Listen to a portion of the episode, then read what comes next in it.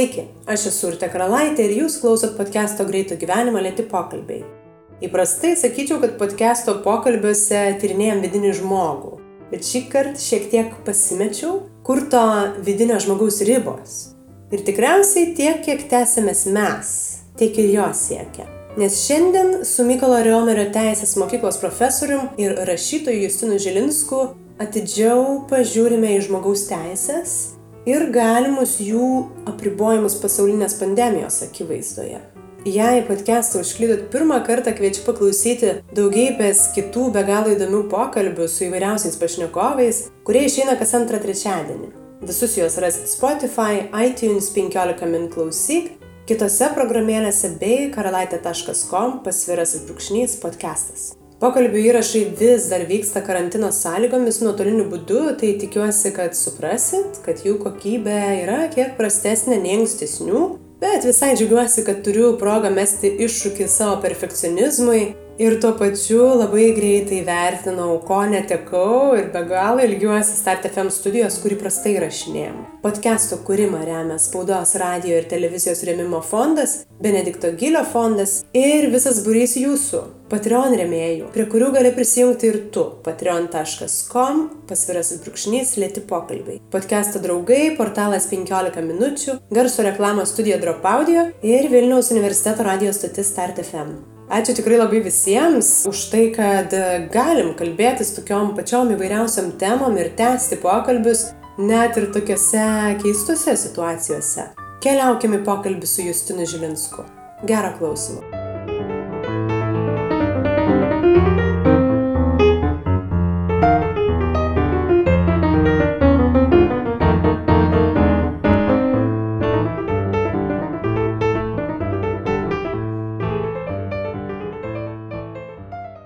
Norėtųsi gal pradėti žiūrint į dabartinę tokią keblę padėtį, kurioje esam įvairiausiam prasmėm, kalbant apie žmogaus teisės. Kokios galimos grėsmės jau atsiranda ar, ar galėtų atsirasti žmogaus teisų ribojimams kažkokiems tai pandemijos ir tokios pasaulinės krizės metu? Prisiminkim, kokiu tikslu buvo sukurtos apskritai žmogaus teisės žmogaus teisės buvo sukurtos atsiremiant į na hobso tą leviatano teoriją turbūt žinote tą žodžiu jo veikalą kad tai yra žvėris kuris užvaldo mus ir užvaldo būtent per per visas tas įvairias valstybines institucijas ir panašius dalykus. Epidemijos ir panašių situacijų atveju valstybė įgyja labai svarbią rolę įskaitant tą rolę griežčiau kontroliuoti mūsų gyvenimą ir tarkim tai ką mes susitarėme konstitucijoj dėl savo teisių kokios bus mūsų teisės jas ten patvirtina tarptautinė teisė ar ten dar dar kažkokie kiti šaltiniai atitinkamai tokioj vietoj valdžia įgauna naujas galias. Ir kadangi valdžia įgauna naujas galias be abejo reikia tą įdėmiai stebėti nes yra valdžių kurios įgavusios naujas galias nori nesustoti arba tas galias perkelti į įprastinį metą ir taip toliau. Ir pavyzdžiui čia akivaizdus pavyzdys yra vengrija kuri šiuo metu na jau yra demokratijos tyrimo institucijų jau įvardijama kaip kaip autoritarinė valstybė nes parlamentas suteikė viktorui orbanui jų premjerministrui iš esmės neribotus įgaliojimus karantino metu. Ir nors parlamentas formaliai gal ir gali jį prižiūrėti bet vien pats žingsnis kad yra tokie suteikimai na jisai yra jau gąsdinantis ypač atsižvelgiant į bendras tendencijas. Ir va visi šitie dalykai kuomet labai sustiprėja valstybės vaidmuo jisai visą laiką žmogaus teisėms kelia problemų kadangi žmogaus teisės iš principo yra individualistinis kūrinys kuris orientuotas į kiekvieną iš mūsų. Valstybė gi yra orientuota į mus kaip kolektyvą. Ir jeigu valstybė na gera demokratiška ir panašiai tai jinai siekia balanso tarp kolektyvo ir individualumo. Bet tos valstybės kurios imasi kaip sakant blogumų tai jos paprastai veikia būtent per tą kolektyvinį sustiprinimą. Ir tos grėsmės yra tradicinės grėsmės kad tam tikros mūsų teisės bus apribotos. Ir aišku labai svarbu kad tos praktikos apribojimo paskui būtų atšauktos Ką matot dabar kažkokias rizikas Lietuvoje, galbūt į realias situacijas, paminėt Vengriją, o kokios rizikos čia galbūt kyla? Lietuvoje tikiuosi, kad tokių aiškių rizikų kaip Vengrijoje nėra, nes tai yra susiklostę tenai per keliolika metų ir per visas ten politinės peripetijas. Aš manau, pas mus kol kas sąlygų tokiam susiklostimui nėra. Tačiau Lietuvoje, aišku, visus turbūt neramina elektroninio sekimo sistema, jos stiprinimas, tas didžiojo brolio auginimas nes kai kurios valstybės jau kaip žinome taiko tas socialinio kredito sistemas ir tai yra patogu tarkim kovojant ten su kokiu nusikalstamumu turėti visą laiką visą informaciją apie piliečius ir panašiai tai čia labai svarbu kad va tokiom visom kontrolės institucijom visą laiką mes turėtume stabdžių ir atsvarų sistemą.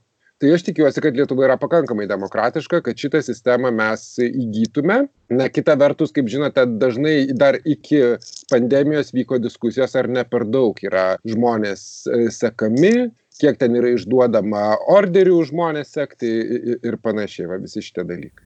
Aš visai nenustebsiu jeigu dėl tam tikrų ribojimų kažkuriuo metu galbūt dar karantino metu galbūt po jo bus paduotos valstybės institucijos į teismą galbūt byla nueis iki konstitucinio teismo galbūt bus keliamas klausimas ar karantinas buvo tinkamai inicijuotas ir visi kiti dalykai.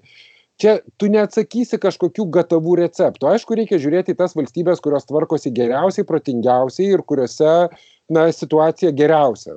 Bet e, kažkokio universalaus recepto tokiam naujam reiškiniui matyt nerasim.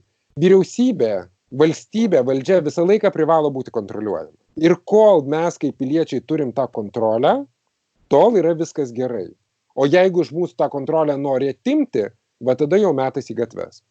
O kaip tada galima žiūrint į na įstatymus kurių siekis tarsi užtikrinti yra mūsų saugumą bet visgi jisai riboja kažkokias tai mūsų ar laisvės, ar teisės, kurias turim, kaip galima tą atskirti, žiūrint iš šalies? Čia turbūt reikia ne tiek atskirti, čia labiau reikia galvoti sistemiškai. Tai yra, jeigu mes turime tam tikrą teisės aktų sistemą, taip, teisės aktų sistema yra paremta ta klasikinė valdžių padalinimo principu, kad parlamentas leidžia įstatymus, vyriausybė įstatymus vykdo. Teismai yra įrankis piliečiui ir ne tik piliečiui, tarkim, tikrinti tokių įstatymų teisėtumą. Tai va šita sistema turi veikti labai subalansuotai. Turi būti parlamentinė kontrolė, turi būti teisminė kontrolė. Ir visus šituos dalykus turi būti galimybė analizuoti, tikrinti, vertinti ir sverti. Ir jeigu tai pasiekia, na, teisingą balansą, tai tada viskas gerai.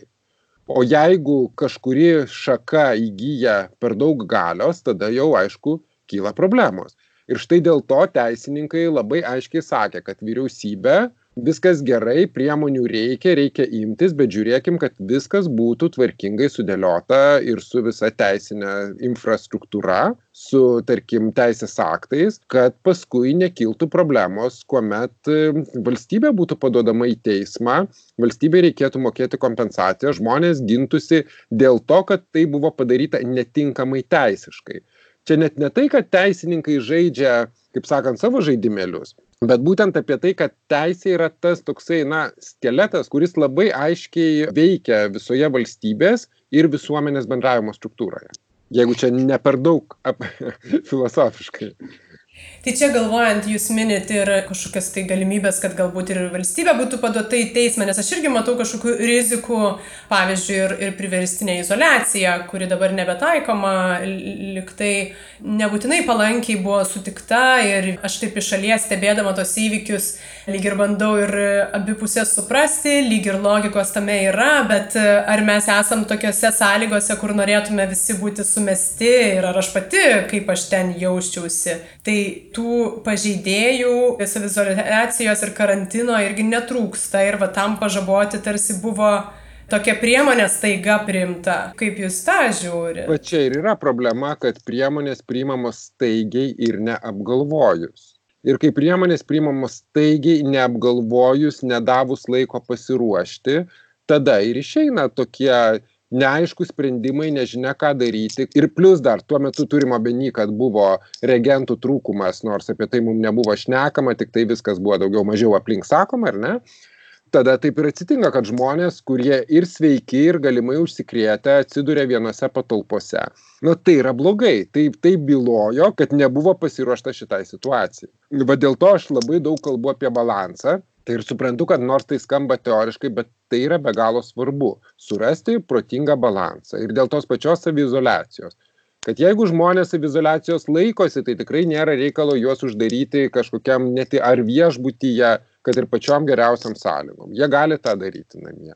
Jeigu žmonės namų neturi, na iš tiesų jiem turi būti suteiktos patalpos ir panašiai tai šitas dalykas e, labai svarbu kad ir tie žmonės kurių atžvilgiu nutaikytos priemonės ir institucijos kurios jas taiko veiktų proporcingai Tai dabar galvojant na, apie tas skubotus e, sprendimus, čia galima išvelgti paniką visose pusėse ir, ir valstybinių lygmenių galbūt, kai tikrai turbūt nepaslaptis, kad ne, nebuvome pasiruošę nei žmonės, nei valstybė ir tuomet priimami tikrai ne visada racionalūs sprendimai, galbūt pažeidžiamos teisės, daromos klaidos. Visgi istorijoje įvairių tokių situacijų jau buvo. Kuo mes galim remtis, kad, kad visgi išvengti tokio lyg ir pirmą kartą sutinkamo krizės valdymo? Na, aš nežinau, ar Lietuvos modernios istorijoje tokių dalykų yra buvę. Čia nelabai nei eina palyginti su bankų krize 90-ųjų pradžioj, nei su Rusijos krize, nei su finansų krize 2009. Šita krizė yra labai kitokia, pirmiausia dėl to, kad visai kitaip na materialiai ją reikia reaguoti. Čia eina kalba apie iš tiesų žmogaus teisių į privatų gyvenimą apribojimas judėjimo laisvės apribojimas ir tie visi kiti dalykai. Žinot yra tasai angliškas pasakymas maximum restraint galbūt maksimaliai kruopščiai turbūt šiuo atveju reikėtų veikti. Bet aišku kai laiko yra nedaug ir kai pasiruošimo lygis neaiškus tai tada kyla rimtų problemų. Juolab kad dar vienas gal įdomus dalykas pasirinkom tokį įdomų situacijos reguliavimo būdą tai yra pasirinkome ne nepaprastąją padėtį tai yra konstitucijoj įtvirtinta viena iš situacijų kuomet galimi tam tikri apribojimai o būtent tą karantino situaciją kuri eina pagal įstatymą užkrečiamų ligų profilaktikos ar ar kaip jis ten tiksliai vadinasi tai va tai čia dar dar vienas toks įdomus sprendimas ar mes išsigandom tos nepaprastosios padėties ar panašiai bet va tas momentas kad visą laiką būna tas pirmas kartas ir aišku visą laiką norisi kad jis būtų kuo sklandesnis ir šiuo atveju su sklandumu tikrai buvo daug problemų. O kuo skiriasi iš esmės? Jūs minit tą nepaprastosios padėties ir ir karantino nepaprastoji padėtis turi konstitucinio lygio reguliavimą. Pirmas dalykas labai svarbus. Antras dalykas tai yra padėtis kuri taip pat turi savo tam tikrus kriterijus tarptautinėje teisėje toje pačioje europos žmogaus teisių konvencijoje ir jos jurisprudencijoje. Ir tai duoda tam tikras gaires pavyzdžiui kai reikia vertinti tikslumą proporcingumą reikalingumą viso to reikalo tuo tarpu tas įstatymas dėl karantino nu grubiai pavadinkim jį taip jisai iš tiesų viską suverčia ant vykdomosios valdžios pečių ir tada išeina vėlgi kad mes tuos tikrinimo kriterijus turime pasiimti vos ne susikurti iš naujo patys. Tai dar grįžtant prie žmogaus, buvo įdomu, šiandien radau tokį straipsnį, kuris apžvelgė įvairių epidemijų valdymus įvairiausiais laikotarpiais nuo 1700 Marselis, siena buvo užstatytas ir, ir įvairiausių variantų, kurie būtent tas straipsnis ir pastebi, kad sprendimai buvo tokie patys. Uždarimas, karantinas, na ir, ir daugybė žmogaus teisų pažeidimų. Tai mes dabar esam lyg ir tokiuose laikuose, kai esam pažengę ir žmogaus teisų apsaugoje, ir technologijų, ir, ir be abejo, ir medicinos, bet priemonės lyg ir naudojamos labai panašios. Čia tuomet irgi vat, apie žmogų galvojant, tai ar mes patobulėjome toje srityje, siekiant užtikrinti žmogaus saugumą ir orumą. Mes patobulėjome aišku labai smarkiai atsižvelgiant į tai kad jeigu šita epidemija būtų kilusi tūkstantis septyni šimtaisiais metais tai jokių plaučių ventiliatorių jokių ligoninių normalių ir nieko viso to nebūtų buvę. Tai medicina be abejo kad patobulėjo ypatingai. Bet tai taip pat rodo kad medicina vis dar ir turbūt visada turi ribas kad visą laiką atsiras gamtinės priežastys, dėl kurių žmonės kenties, žmonės mirs. Ir kadangi žmogus yra na, kolektyvinis gyvūnas, mes gyvename bandomis, grubiai tariant, ar ne, tai jeigu infekcija plinta bandomis, bandą reikia išskaidyti ir matyt jokio kito recepto kol nebus rasti vaistai. Galbūt ateity bus ras bus rasti momentiniai vaistai galbūt bus galima užkirsti kelią daug greičiau ir panašiai.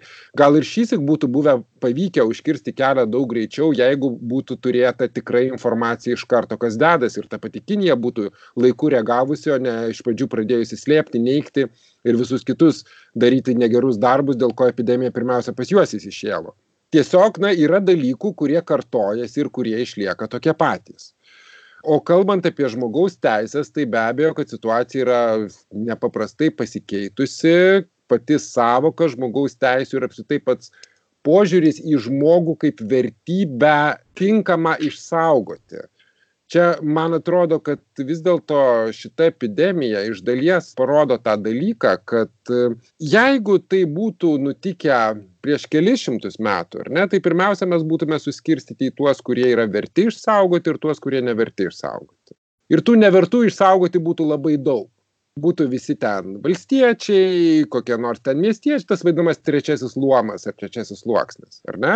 O visa apsauga būtų nukreipta į tuos na nežinau kilminguosius feodalus galbūt tie kurie turi daug pinigų ir taip toliau dabar mes jau esame tokioje didesnės lygiavos situacijoj nei nei būdavo iki šiol. Ir netgi kadangi kinija ji labai neigiamai pasisako apie daugelį ten politinių teisių ir taip toliau bet visą laiką labai gražiai kalba apie socialines teises apie teisę į darbą pavyzdžiui teisę į sveikatą ir taip toliau kas taip pat yra žmogaus teisių sudėtinė dalis ir kai valstybė iš tiesų na pradeda rūpintis savo piliečiais ir jų vat šita galimybė išgyventi pareigą suteikti jiem medicininę pagalbą ir panašiai. Nu tai yra gerai tai irgi yra žingsnis į priekį man atrodo.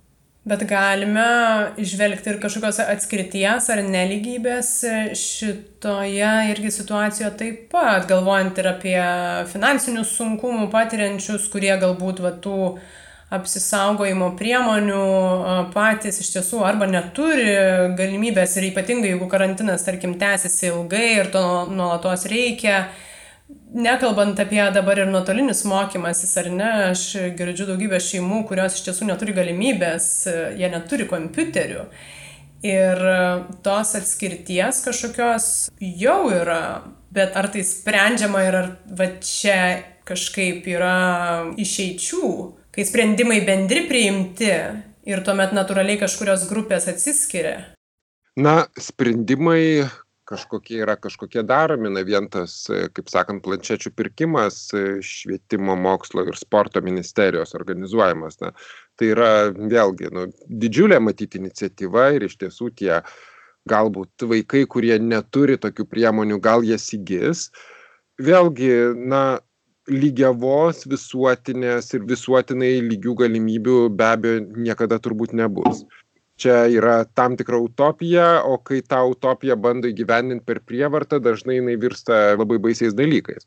Tai šitoj vietoj vėlgi man atrodo kad labai svarbi yra kokia yra pačios visuomenės reakcija. Kiek mes esam pasiryžę aukotis dėl silpnesnio ir kiek mes savo gero gyvenimo galime paaukoti tam kad tas silpnesnis galėtų įgyti galimybes įgyti kažką papildomai tokioje situacijoje. Ir ta visa savanorystės banga kuri dabar atsiradusi tiek dėl žmonių kurie rūpinasi tarkim senyvo amžiaus asmenimis arba ten nežinau padeda pristatyti produktus spausdina rėmelius medikų skydam vadinami apsauginiam.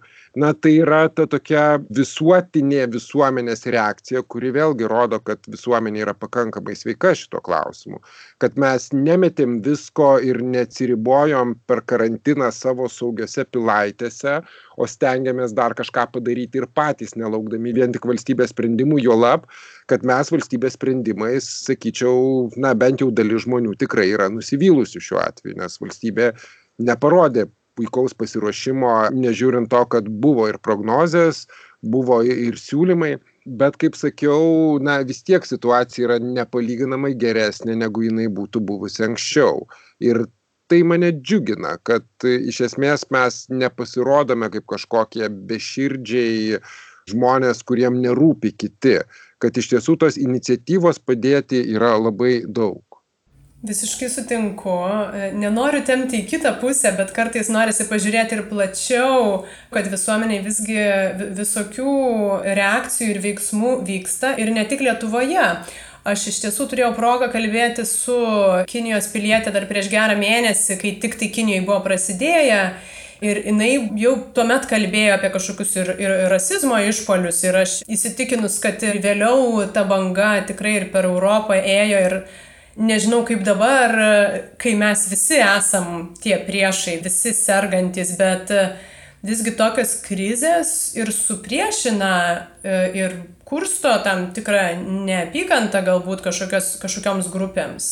Tai be jokios abejonės mes galėjom matyti ir, ir pas save, nereikia jokios Kinijos apie tuos žmonės, kurie uh, ėmė grįžti į Lietuvą po to, kai buvo paskelbta, kad bus karantinas arba tiesiog kviečiam grįžti ir panašiai.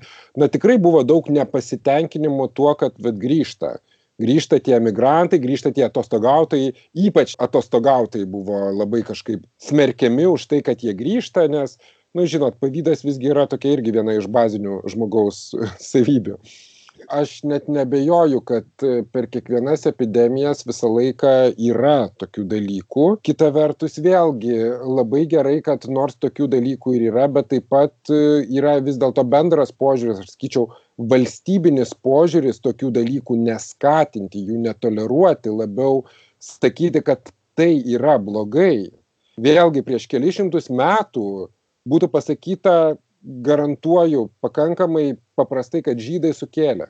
Nes tada visą laiką buvo vienas iš pagrindinių atpirkimo ožių, žodžiu, kokia nors epidemija, tai čia žydai sukėlė, ar ne?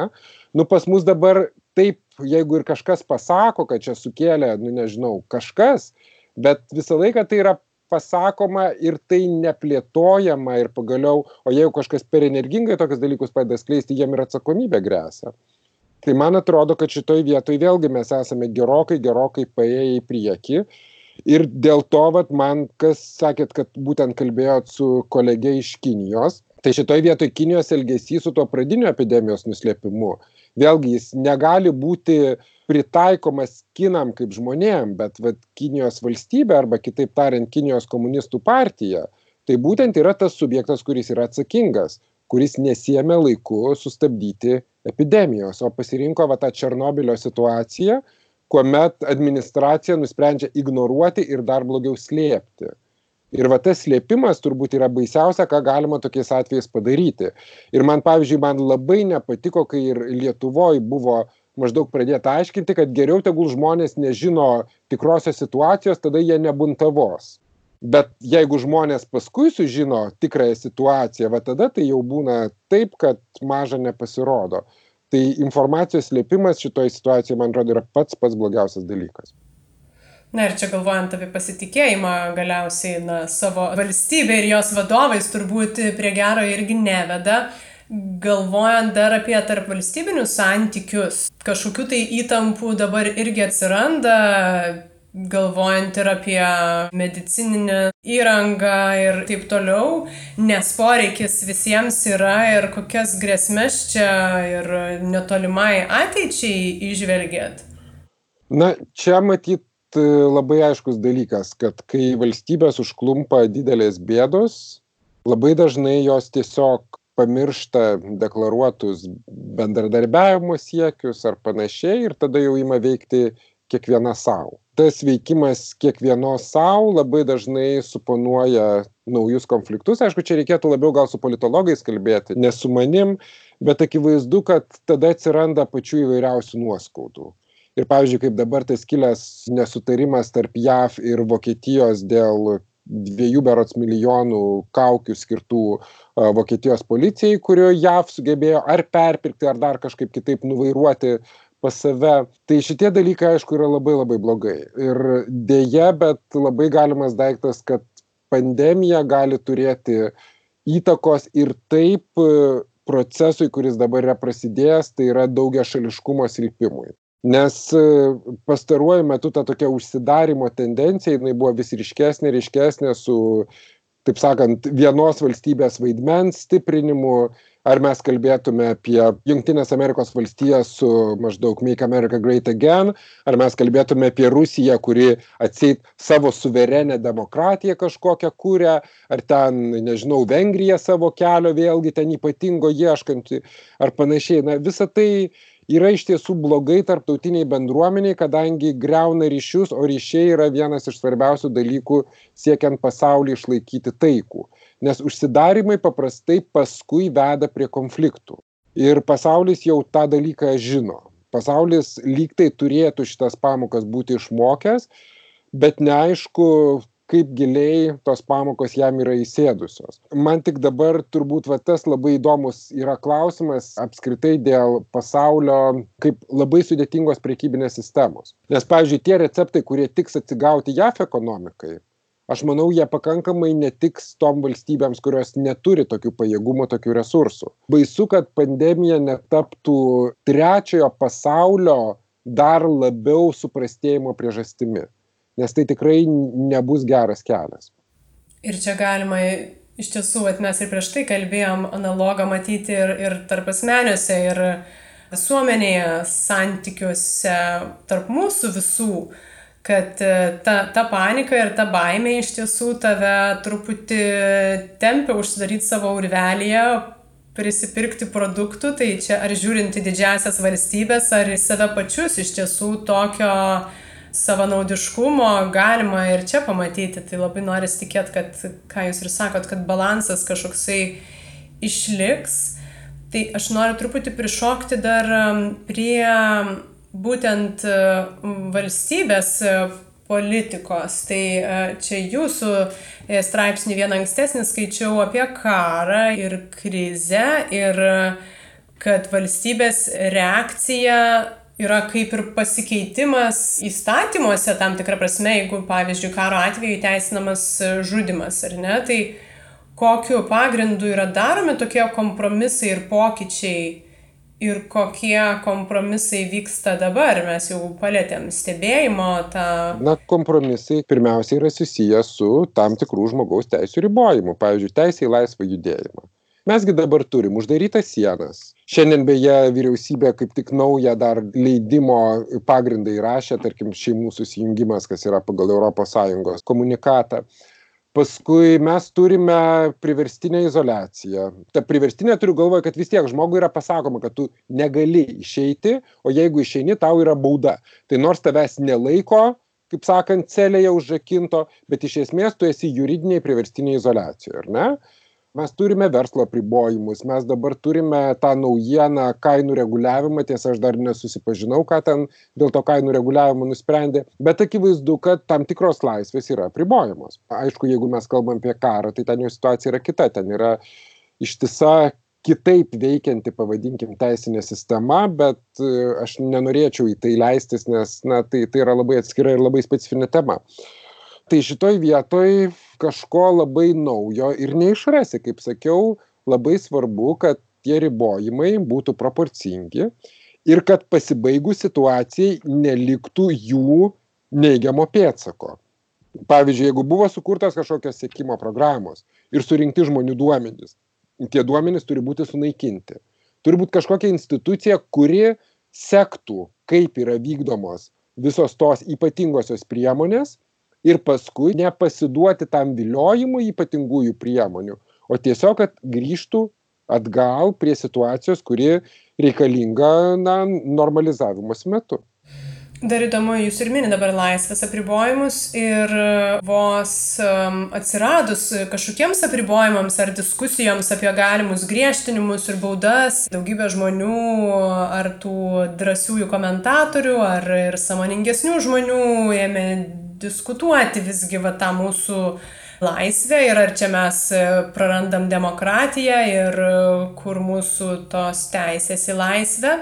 Bet ta laisvė, na šiuo atveju jinai nėra mums saugi ir tuomet galvojant apie apribojimus, kurių mums reikia išsaugoti savo saugumą ir sveikatą, kaip galima tai daryti ir išsaugant laisvę, kuri nebūtinai visiškai tik tai fizinė.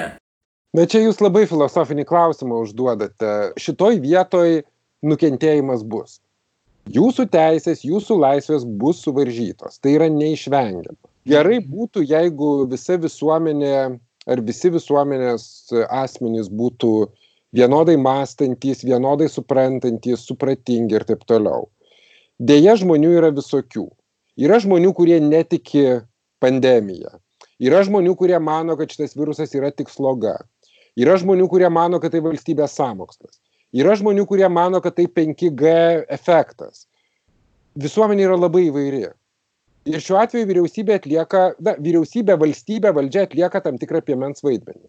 Ir šiuo atveju, na, piemuo turi, kaip sakiau, būti prižiūrimas. Ko mes tada galėtume išmokti visgi iš šitų vat, tokių krizinių situacijų ir klaidų ir ko jau galbūt išmokome? Tai pirmas dalykas turbūt yra tas, kad pasaulis yra tiek susijęs, kad užtenka šikšnosparnio ar pangolino Vuhane, kad Lietuvoje galėtų mirti žmonės. Ir negalima į tokius dalykus žiūrėti lengvabūdiškai.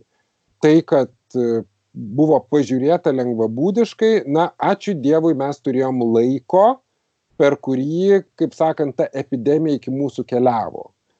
Bet e, apskritai tai, na, tikiuosi, kad valstybė padarys tam tikras išvadas ir, ir visa ta pasiruošimo tokiom situacijom schema bus labai rimtai peržiūrėta.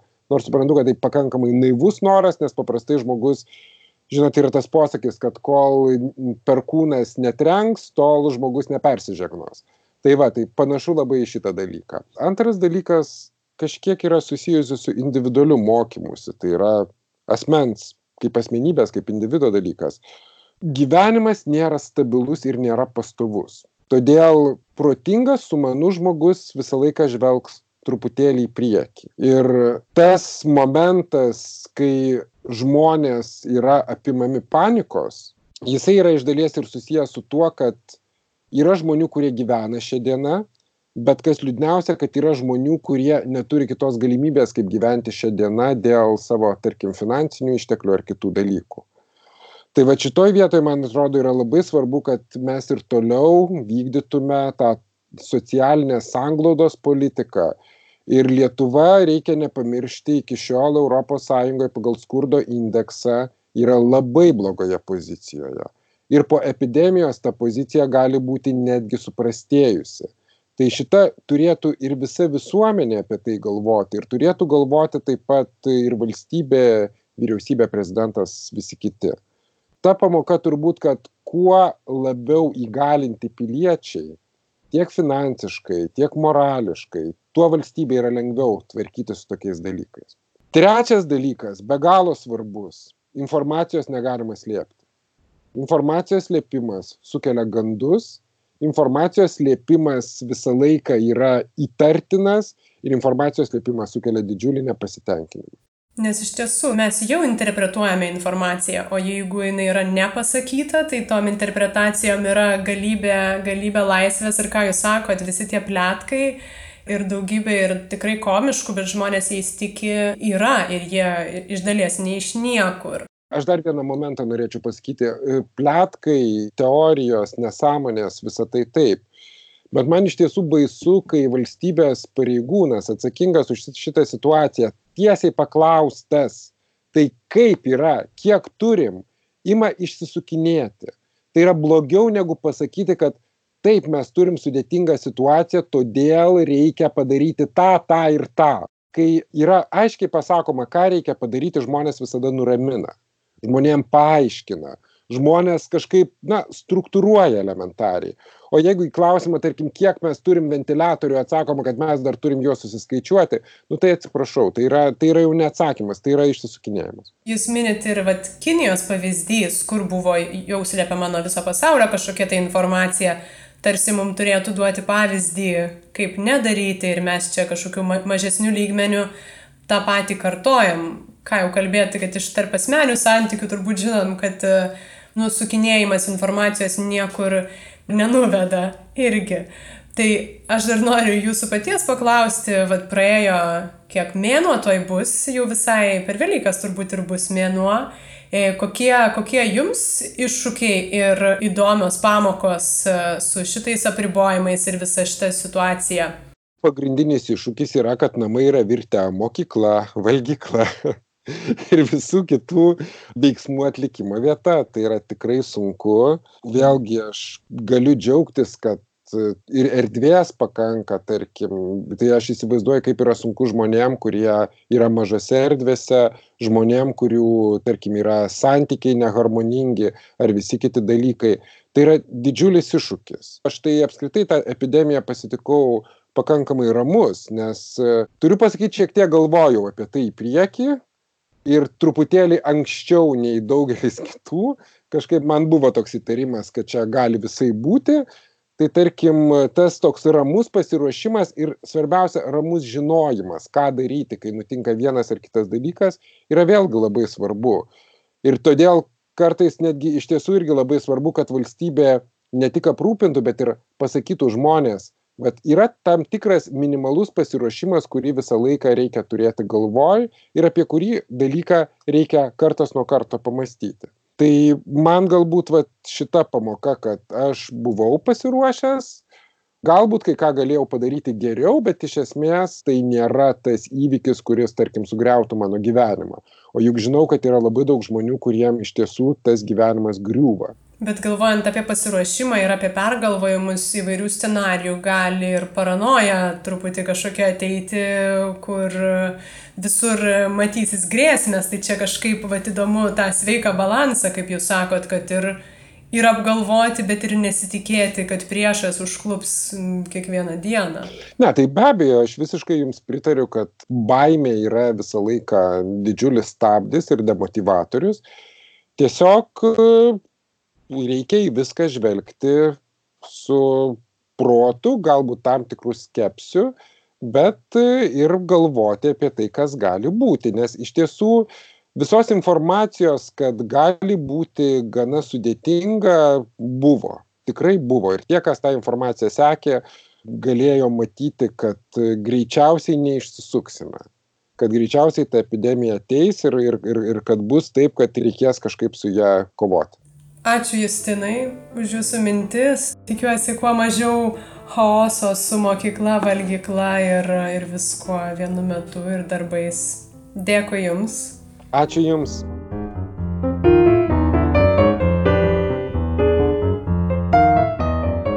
Ačiū, kad klausėtės. Aš tikiu, kad mums pavyks prisitaikyti ir prie kai kurių laikinų mūsų įprastų teisų apribojimų, o vėliau ir užsitikrinti jų grįžimą į savo vėžes. O man bene labiausiai užstrigusi mintis, nors ir labai paprasta, bet tikrai labai vertinga, kad slėpti kažką niekuomet nėra išeitis. Ir pastarųjų įvykių pavyzdžiai pasaulyje ir Lietuvoje tai puikiai iliustruoja. Tai atrodo lyg ir savaime suprantama. Bet tikriausiai visai neprošal vis pasikartoti, matant tokias pasiekmes. Nes šitas priminimas, man atrodo, praverčia įvairiausiose plotmėse, ne tik tarp valstybiniuose santykiuose. Saviapgaulė irgi vienas tokių tiesos nuslėpimo pavyzdžių. Nepamirškit sekti podcast'o Instagram ir Facebook paskyrose, ten visuomet dalinuosi daugybę įdomių anonsų, rekomendacijų ir pokalbių užkulisių. Podcast'o kūrimą dalinai finansuoja Spaudos, radio ir televizijos remimo fondas bei Benedikto Gylio fondas. O po šiandienos pokalbio norisi tiesiog palinkėti nebijoti tiesos. Su jumis podcastas Greito gyvenimo lėti pokalbiai ir aš, Urte Karalaitė. Iki kitų kartų.